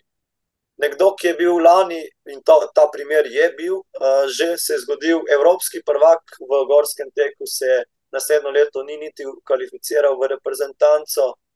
Uh, skratka, na nek način me Italija spominja v gorskem teku kot Kenija v maratonu, ne, kjer preprosto lahko nek Kenijec, ki je 25 na državnem prvenstvu, potem postavi uh, zmaga londonski maraton z skoraj da svetovnim rekordom. Ja. Fantastičnim ja, rekord, svetovnim rekordom. Uh, tako da, ja, uh, v klubu imam izjemne sotekmovalce, uh, super skupina atletov smo. Uh, najboljši član tega kluba je bil uh, Tadej Pjuk, zamejski slovenec. On je legenda tega kluba, tudi uh, zmagovalec svetovne serije Skyrunning. Uh, zdaj on ima 42 let. Ampak, kot ti praviš, ja, imaš še, imaš še čas. še čas, na nekaterih tekmah se pojavi. Aha, prav. Uh, pač uh, on, uh, ne vem, kakšna je situacija z njim, ampak da je Pivk je, je nek, uh, neka legenda tega kluba in ta klub sem spoznal tudi bolj zaradi njega. Uh, in ta klub mi je tudi všeč, zato ker ni najboljši v Italiji, eden izmed najboljših, ampak z to generacijo, ki zdaj prihaja z mano, z uh, Michaelom, uh, Nikola D'Andrea in ostali fanti, uh, bomo v naslednjih letih uh, kot ekipa, mislim, da še bolj mešali štrene najboljšim italijanskim ekipam. In lepo je videti, da tudi nekdo iz Furlanije konkurira ekipam iz Lombardije in no. Piemonta, uh, ker pač gorski tek v Italiji je večinoma severna Italija. Pač, uh, in uh, ja, kot nekdo, ki ima rad navijače, publiko, je nastopati na italijanskih tekmah res uh, izjemno. Pač najbolj bi se primerjalo z. S tekmami, s kolesarskimi tekmami, to, kar doživijo kolesari, ko dirkajo po Franciji na usponih ali pa na Džiru d'Italia, ko so ti uh, monumentalni usponi, stelvi od Zomkolan, pa so podoj. Na tak način oni spodbujajo gorske tekače, vsakega izmed njih. In mene, recimo, vsi vejo, da nisem italijan, ampak dobesedno uh, so me vzeli za svojega in navijajo za mene, kot da bi bil uh, uh, pač uh, z njimi. Uh, in uh, super mi je, res mi je uh, v čast in veselje nastopati uh, za takšen klub. In ja, imam potem tudi vso podporo, uh, tudi na sveti, glede treninga. Kdaj trenirate skupaj, se dobite, da vidite, kaj še? Ja, ja uh, imamo tudi skupne treninge v. v Večinoma so to treningi v Tolmecu ali pa v Paluci, Uh, ko gremo na tekmo, se srečujemo v Udinah, uh, v Vidmu, torej, in uh, imamo svoj klubski kombi, tako da nimam tudi uh, težav z prevozi, uh, oprema tudi priskrbljena, uh, tudi pač prijavne, prijave na tekmovanja. Uh, s tem se ne osredotočam, da to, to me ne bremeni, pač preprosto jaz se, pri, grem, se pojavim na štartu, naredim svoje in grem domov, in to je to. Uh, tako da, ja, italijanski klub prav zaradi tega, ker uh, prav to, kar sem prej govorila, ker želim napredovati. Mhm. Ker, ker mi je bolj pomemben ta uh, svoj napredek, kot pa neke titule. Uh, želim biti vse boljši gorski tekač in na ta način, da se primerjam. Če želim biti dober, se moram tudi primerjati z boljšimi od sebe v Italiji pa je teh uh, roko na srce ogromno in, in to mi je v motivacijo uh, in veselje tudi za vsa prihodnja leta. Da imaš vedno nekoga, ki je boljši od tebe, in ti veš, da ne glede na to, ali ga boš drugo leto uspel premagati ali ne, če se mu že približaš, to pomeni, da si naredil nek korak naprej. In uh, veš pa, kje si. Ne? Če si v Italiji dober, veš, da boš tudi na največjih tekmovanjih avtomatično mhm. dober. Mhm. Tako da, ja. Če so že pri tem, ja, da se malo oziraš svojemu napredku in prihodnosti, imaš kakšne dolgoročne cilje, vseeno v teku, v, v gorskem teku, v trail teku, na vse zadnje, ker se ti dve disciplini vedno bolj zlivata, tudi svetovna prvenstva postajajo zdaj kar eno in tako naprej. Kam bi pa ti na dolgi rok morda še rad posebej? Kaj bo za te, recimo, uspeh? Um, Imeli smo uh, svetovnega prvaka v gorskem maratonu. Ja. Zdaj imamo dolge trele, kratke trele, imamo uh, vertikale in tako naprej. Uh, nove discipline, ki včasih tudi obstajale, še niso uradno. Kaj bi pa ti, recimo, evo, kaj bi bila pa za te, recimo, pika ne in neke karijere? Uh, zdaj spet smo pričakovani. Karkoli bom rekel, si bom zdaj postavil, si bom dal. Da na laž sem te to vprašal, ker si malo vendarle šel v to smer, pa sem rekel, ja. najbrž pa razmišljaš ja, ja. o kakšni stvari. Zdaj, karkoli bom rekel, si bom dal na, na se na hrbtnik, ki ga nosim. Nosil, ja, Ampak ne, ne, bodimo iskreni. Sej, uh, tudi zaradi tega tekmuješ. Sej, ni zdaj samo, da napreduješ. Če bi bilo samo to, ne bi hodil na tekme. Ne? Tekme so najboljši trening, to je res. Ampak po eni strani si tudi, si tudi želiš uh, nekaj, uh, na kar bi bil ponosen, tudi ko si starejši, 70-80 let, da si pripoveduješ drugim, kje si bil, kaj si dosegel. Uh, in zdaj, ko, ko spremljam to slovensko gorsko tekaško sceno in tekmovalce, uh, in samega sebe, kot vidim v prihodnih letih, jaz mislim, da lahko kot ekipa slovenska tega včasih ni bilo. Je bil Mitja, ki je res izstopal in smo mu vsi ostali samo sledili. Uh, bil je pač uh, eden izmed najboljših gorskih tekačev na svetu, v gorskem maratonu, celo svetovni prvak. Uh, ekipno pa Slovenija ni bila nikoli tako močna. Jaz mislim, da prihaja v naslednjih letih uh, naš čas, uh, se pravi, uh, imamo ogromno perspektivnih gorskih tekačev, pa tudi uveljavljena imena. Pač sej, ni treba, da je skrivnost Timotej, sigurno ena, en razred uh, više, uh, trenutno uh, od vseh ostalih slovenskih tekačev. Potem imamo tu Luko, ki je turni smočar, uh, izjemen tekač, izjemen človek, uh, izjemna osebnost uh, in vse ostali, uh, ne, ne poznam dobro. Mislim, da je potem tu umirne, uh, uh, mirno lahko vrstiš še Klemna, Mhm. Španringa. Španringa, tako, tako. Tako da jaz mislim, da ekipa, to, to je ekipa, ki smo vsi imamo pod 30 let. Tako da jaz mislim, da v naslednjih štirih letih lahko, meni bi bil cilj, kakšna ekipna medalja. Recimo, tukaj bi bilo res zanimivo videti, kako bi se ujeli in dosegli skupaj neko dobro vrstitev. Kar se tiče mojih lastnih pričakovanj, uh, sem, nekje sem uh, zapisal, da se v naslednjih petih letih uh, bom popolnoma fokusiral na tekme v vertikalu. In uh, tudi na teh tekmah uh, nameravam nastopati na največjih tekmovanjih, Evropsko svetovno prvenstvo, torej vertikal. Uh, če bi vprašali roka, ki je star pet let manj, 25-24 let, bi rok rekel tudi trail. Ampak z leti sem ugotovil, da tudi če hočeš biti nekje najboljši, tudi ni dobro, če preveč uh, eksperimentiraš z različnimi disciplinami. Ampak uh, preprosto, če hočeš biti najboljši v slalomu, ne boš tekmoval v smuku. In to je tudi ultra trail in vertikal, sta pač dve različni disciplini. Uh, ča, ne samo čas, tudi strmina, poprečna hitrost, vse se razlikuje, uh, tudi glede telesne konstitucije. In sem si rekel, pač v naslednjih petih letih se nameravam samo fokusirati samo na vertikal. To pomeni tekme med 30 in 40 minut, v tem času moram pokazati vse, kar znam, vse, kar sem natreniral doma, in uh, tukaj doseči en odmeven rezultat. Uh, tako da uh, vertikal, potem pa ne vem, seveda, oba veva, da z leti pride vzdržljivost in morda se potem kasneje spet vržem v daljše preizkušnje.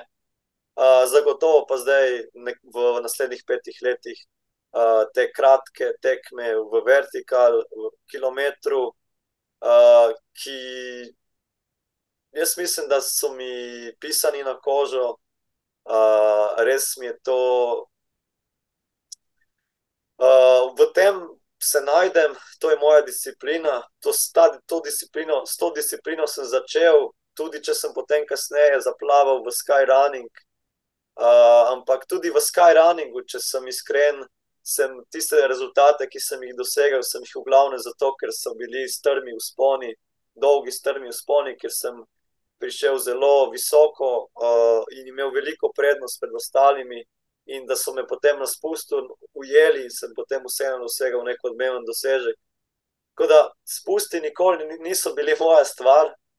Uh, za spust uh, potrebuješ mogoče večjo telesno maso, potrebuješ, uh, uh, se pravi, moraš biti res 100-odstoten, tvoja pozornost mora biti uh, res izjemna, fokusiran moraš biti na vsako stotinko sekunde, vedeti, kam stopiti, predvidevati prihodnost. Uh, zanimivo je, kako spust je v glavnem napovedovanje prihodnosti ne, in zaupanje v to, kar boš napovedal. Je kot za vsako stotinko vnaprej, moš predvidevati, kako se bo odzvalo stopalo. In, in, in to je umetnost, kar je pri teku na ukreber, ko treniraš, ko greš v vertikal, je preprosto uh, ta trenutek, ta trenutek sedanjosti. To je zanimivo. Ko tečeš na vzgor, si dejansko v tem trenutku v sedanjosti. V spustu pa si skoraj da v prihodnosti, ne? kako naj se izrazim, nikoli ne razmišljaš o tem, kar mhm. delaš ja, trenutno. Ampak kaj boš ja. naredil čez sekundo? Pa pa. Kaj boš ja. naredil čez ne, ja, stotinko sekunde? Se pravi, vidiš tisti, tisti položaj kamnov vnaprej in predvidevaš, kako položiti stopalo. Boš kar najmanj, eh, da se boš na ta način kar najbolj izognil morebitnemu padcu, in da boš pri tem že šel lepo v naslednji korak. Ne spusti res neka umetnost, je kot uh, ples. Ne. Ja. Tako, tako. In zato si takrat John Terry spustil naprej, ja, ker je bil mečkim bolj izkušen plesalec, pa ker on gre zmer z glavo, ko prive, pa ne razmišlja toliko. Ja, Aleš mi je takrat rekel, ne, Aleš mi je takrat rekel, uh, ti boš itak še državni prvak, ker si mlajši, jaz ja. pa mogoče ne bom več. Ne? Uh, ja, ja. In uh, tudi zaradi te starostne razlike, uh, in tu ima tudi prav, ališ. No. Ja, se je res, da le strsi ratov, oba da se tle strinjajo, se pogovarjajo. In zdaj, ker vemo, kakšen je, ali že on bo tole slišal, ker mu bo nekdo povedal, in zdaj sem mu dala motivacijo, da bo šel naslednje leto na eno dirko, probati si nazaj vzeti en državni naslov, ki jih ima tudi kar nekaj. No, tako da, evo, vidiš, pa so še nekaj dobrega naredila, izvrsten tudi motivator, si najbrž uh, bodoči predavatelj, uh, kakšna bo tvoja tema, teza doktorske dizertacije, v katero smer greš? Ma tema je sociološka, ne, se pravi, zato ker bom doktoriral iz sociologije, to pomeni družboslovje, uh, proučujem uh, neko uh, družbo uh, v sedanjosti, torej ne ukvarjam se toliko s preteklosti, kot sem se ukvarjal, v, ko sem študiral zgodovino, ampak tudi, seveda, če smo iskreni, se tudi o tem, kar mi dva zdaj komuniciramo, je vendarle neka zgodovina, ki se vse že zgodilo, govoriva o tem, kar se je zgodilo, čeprav in o tem, kar se mogoče bo zgodilo v prihodnosti, in, in kar se tiče sodobnosti. Uh, sva tukaj, zdaj, kjer sva, uh, in je situacija takšna, kot je. Zdaj, kakšna bo tema, uh, ne bi prav rad izdal skrivnosti. Uh, da, ne, ustani, ja, ja, ne, ne počakajo, da, bo, ja, da te promovirajo. Uh, tako, tako. Bo vsekakor uh, zelo zanimiva. Pač jaz vedno, uh, kar, česar se lotim, je to, zato, ker ali dosti vemo o tem, ali pa me osebno zanima. Pa ne, po, potem lahko tudi, da nič ne vemo o tem. Se pravi, vsako stvar se lotim uh, točno po teh dveh točkah. Ali me stvar zanima, če me zanima, se jo bom lotil, ali pa če jo zelo dobro poznam in bi jo rad spoznal še bolje. Ne? Uh, in uh, ta stvar, ki jo zdaj preučujem, me uh, osebno zelo zanima. Uh, jo ne poznam najbolje, ampak jo zdaj pač spoznavam in me zaradi tega v bistvu še bolj zanima sama raziskava, in uh, je zanimivo tudi to področje. Ja. Pač, uh, meni je ta, uh, to družboslovje, to poučevanje, raziskovanje, mi je nek, uh, kako bi se izrazil, uh, prav namensko sem se za to odločil, ker uh, nekako, ko to delam, pozabim, da sem tekač, pozabim, da sem gorski tekač. Ne razmišljam o gorskem teku, pač pa se prelevim v nekega raziskovalca, In to, to sta popolnoma dve različni področji, in, in je dobro, recimo, ko sem v predavalnici, se tudi mentalno spočijem od teka. Uh, in ko tečem, uh, ne razmišljam o tem, uh, kaj bom povedal jutri v predavalnici, uh, kaj bom napisal v doktorski disertaciji oziroma v kakšnem članku, pač pa se preprosto predam hribom in razmišljam samo o hribih. Uh, druga stvar bi bila, če bi recimo bil v pet v kak uh, drugo fakulteto, recimo fakulteto za šport, da bi bil šport moj. Uh, 24, ja, ja, ja uh mhm. -huh. pač, da bi se samo ukvarjal samo športom. Jaz ne bi tega, tudi ne bi sprejel tega, da bi bil profesionalni tekač, ker uh, enostavno nisem človek, ki bi se samo 27 ur na dan ukvarjal s tekom, ampak Uh, tek je za mene način življenja in ne rabim biti za to profesionalni tekač, da, bi, da, bi bil, da tek ne bi bil način življenja. Ne. V bistvu bi bil profesionalizem za mene bolj breme, kot pa uh, ne rabim profesionalizma, rajši delam druge stvari in mi je tek, potem še rajši grem teč. In, uh, in tudi vem, da v bistvu uh, tudi na ostalih področjih sem potem boljši, zato ker uh, mi tek toliko da, toliko mi da uh, to, ta tek po hribih, uh, si nafilam baterije, se spočijem in, in uh, res uh, mi pomaga, da sem potem tudi na drugih področjih uh, lahko tle, kjer sem zdaj trenutno.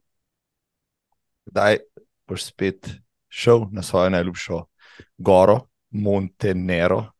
Ha, kar. Ja, kot sem danes videl, uh, je malce zasnežen.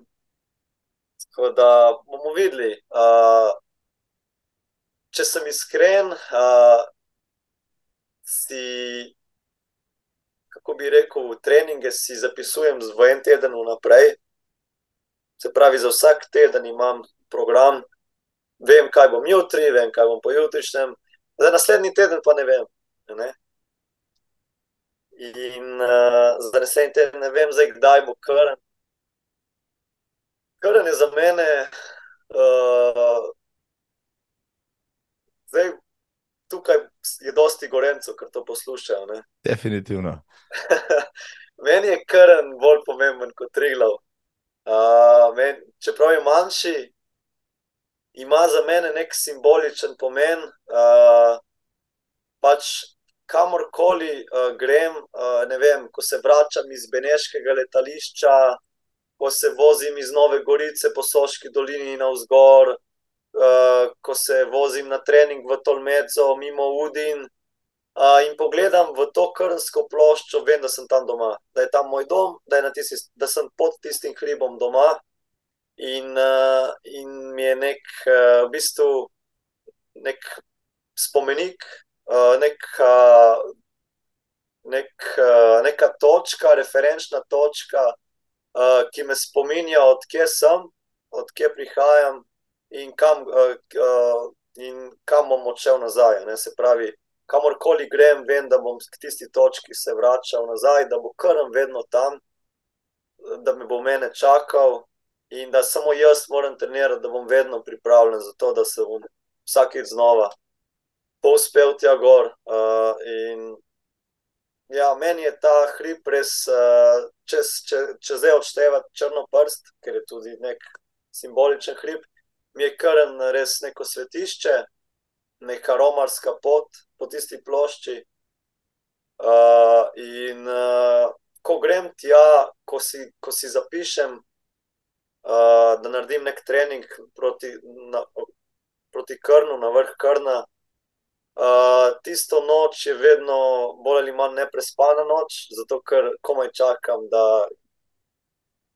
Ko se odločim za krn, sem vedno pripravljen za krn, in, in uh, preprosto je neko doživetje. In včasih, eh, če boš verjel, Marko, je bila kakšna tekma so, v soboto ali pa nedeljo, ampak je bilo lepo vreme. In namesto da bi šel na tekmo, sem šel raje na krn. Če mi, če mi boš uh, verjel, verjamem. Uh, videl sem krn, obsijan sonce, rekel, jaz grem na krn da grem na tekmo. In sem šel na krn, in, uh, in sem se imel lepo. Tako da res mi je hribena. Kar je tebi krn, je meni storžič, tako da te popolnosti ja. razumem.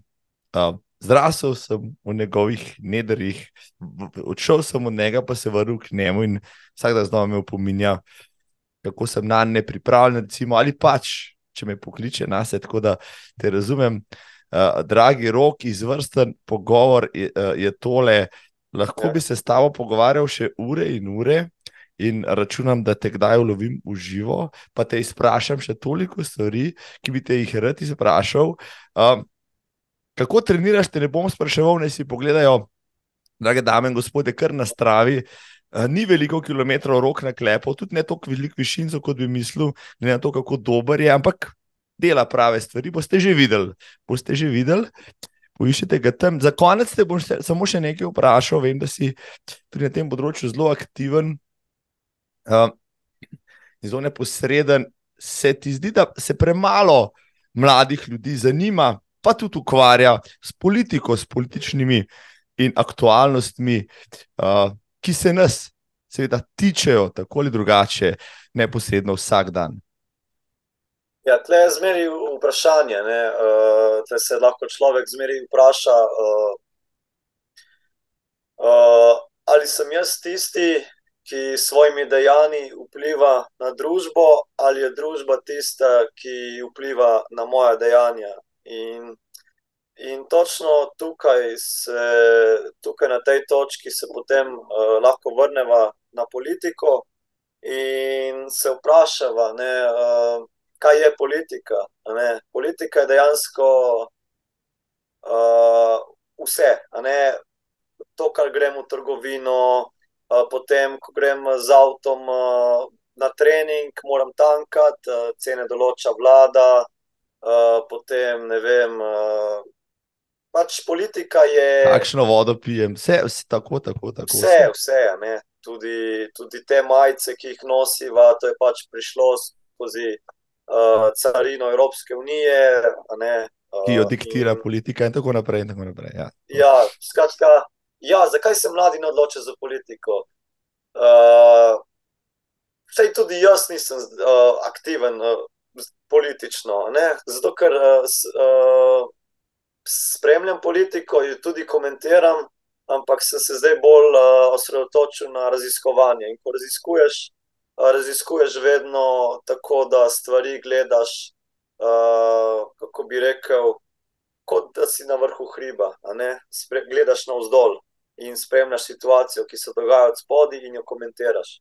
In točno tako zdaj uh, lahko tudi danes na to temo nekaj rečem. Tako da uh, mladi se ne odločajo za politiko, prvo zato, ker je politika še vedno tretirana kot dejavnost uh, staršev, starejših.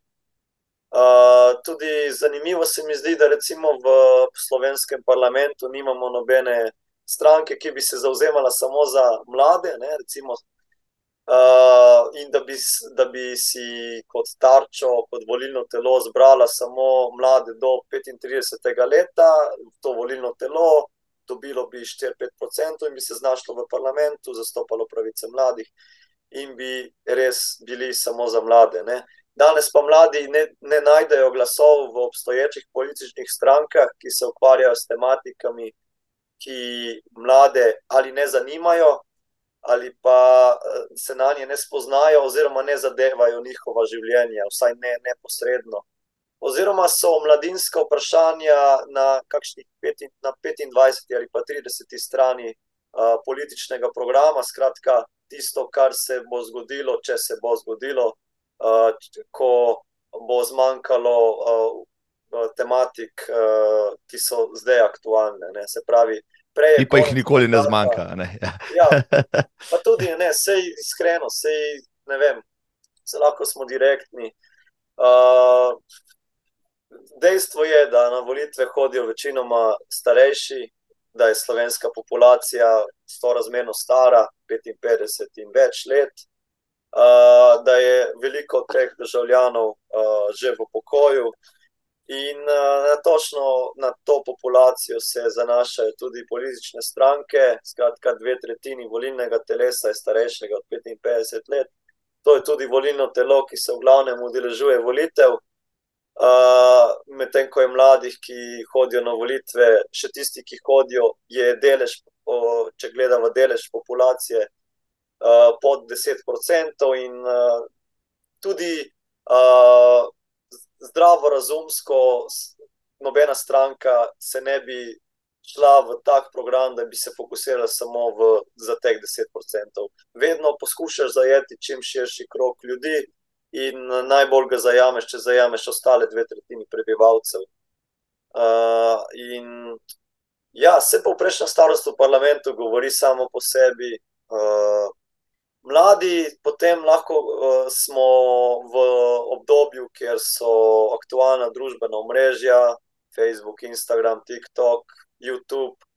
Mladi večinoma povejo svoje mnenje uh, s tem, da jih posredujejo na družbenih omrežjih.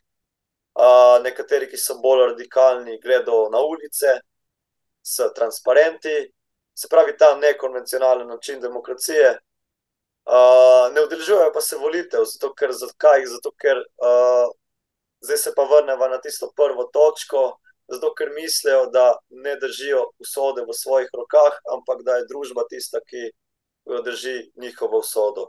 Uh, če bi verjeli v to, da njihov glas šteje, bi šli na volitve, ker pa mislijo, da njihov glas ne šteje, oziroma tudi če grejo, da se ne bo nič spremenilo, raje ostanejo doma in napišajo uh, stvari na računalnik, na splet, na pametni telefon. Oče je pa rok, bratira, novi predsednik bodoče stranke mlajših kot 35 let, ja, stranke, ki ne bo imela spletne strani, ampak TikTok račun. In to bo TikTok račun, ki ga boste hoteli spremljati, ne pa tiste bedarije, ki so zdaj tam, res, res. Um, uh, Rok, milina, si za mojo šesa, tako da te poslušam. Um, zdaj te bom pa jaz, jutri bom šel teč, evo sem se že odločil na en pomaratonski tekec bom šel in bom poslušal naj en pogovor. Evo, ker, ker mi je tako všeč, kar govoriš, uh, mi pa povej samo še čisto, čisto za konec. Kakšen trening imaš jutri? Jutri, jutri imam en lahkoten tek, zjutraj bom v predavalnici, kjer imamo vaje s študenti, uh, potem pa popoldne nek kratek tek, uh, in uh, četrtek bo spet dan za intervale uh, in za tisti trening. Moram biti pripravljen, tako da jutri 30 minut, 200-300 višincev, nič posebnega, uh, samo za, za dušo po, po službi zjutraj. Nič posebnega jutri. Okay. Jutri ne bodo uh, visoki hribi, jutri bo, uh, bodo griči nad Novo Gorico. Jaz bom šel na, na griče nad predvorom jutri, evo, tako ja. izvrstno bo tole, da se sestaviva. Um, Rok, brati, ne bilo mi je v čast in veselje. Um, res si me navdušil z, rekel, s, s svojo širino in globino razmišljanja. Uh, nekaj izvrstnih citatov sem si vmes zapomnil. Um, ki si jih bom ne, zdaj zapomnil in vrško ne uporabo, kakšnih naslednjih kolumn, tekaških. Si zelo želim, da se čim prej srečava tudi v živo, no, pa da te pobaram par stvari, ki, ki ti jih tule ne morem, rok. Um, kaj boš pa naredil za 30. svoj rojsten dan, kam boš uteče, imaš že plane, nimaš. Uh, ne vem, na kjer dan bo to padlo. Uh, nisem še odprl koledarja za naslednjo leto. Kaj bo 30. rojstni dan prinesel? Lahko da bo to uh, nova tekma.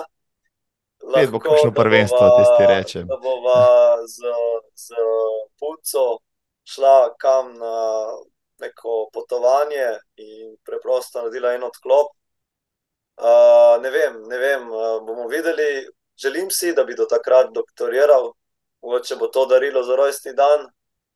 Uh, bomo videli. Uh, ne delam si še nekih planov za naprej. Uh, bo neka prelomnica, ampak če se vrnem spet na, na to, leta so popolnoma. V bistvu, jaz nisem eden tistih, ki se boji uh, starosti. Se pravi, jaz v bistvu komi čakam, da bom star 30, 31, 32 let ker vem, da bom zaradi tega bolj izkušen in to pomeni, da tudi bom več vedel o sebi in bom tudi bolj pametno treniral. Uh, in nasplošno se veselim, uh, ker vsaka doba življenja je, je nekaj posebnega.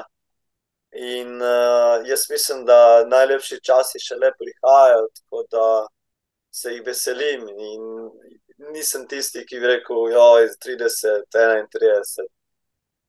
Za mene lahko tudi preskočim 30, pa grem na 31. Meni je vseeno, jaz uh, bom isti, uh, isti, ista disciplina, ista filozofija.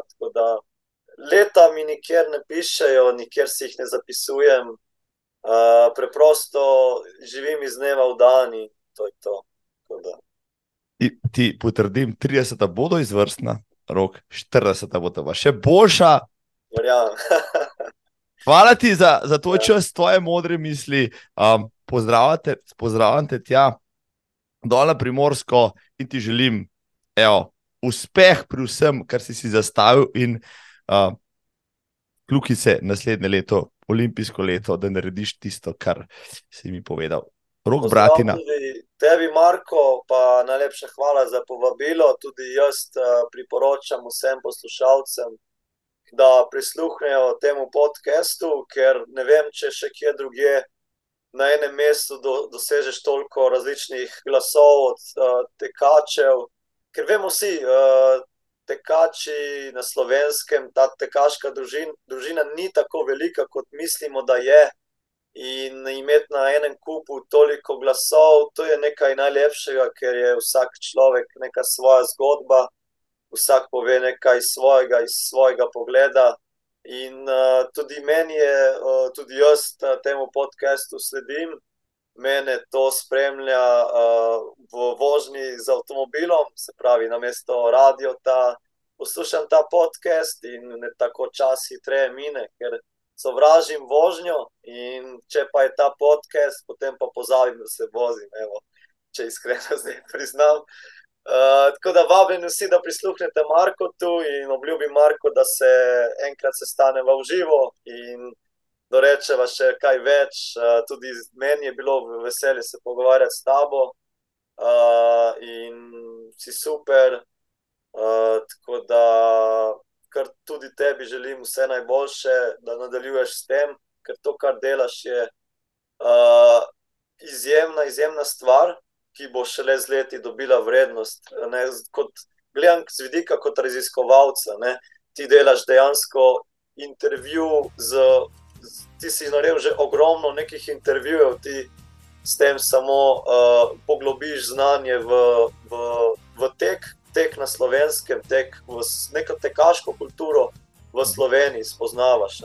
In, in to je tudi zelo zanimivo iz raziskovalnega vidika. Ne vem, če se je kateri raziskovalec to, s tem ukvarjal, ampak mogoče se bom jaz. Uh, in mi je to res uh, zanimivo. Tako da tudi tebi, super, pohvalno. Ena. Hvala ti, da si me pustil brez besed, rok. Ja. Um, ko boš ti doktoriral, bom jaz izdal svojo 200. epizodo, pol pa, evo, pogremo po nove zmage. Hvala, rok in srečno. Srečno tudi tebi, Marko. Hvala, čau. Čau. Čau, živijo.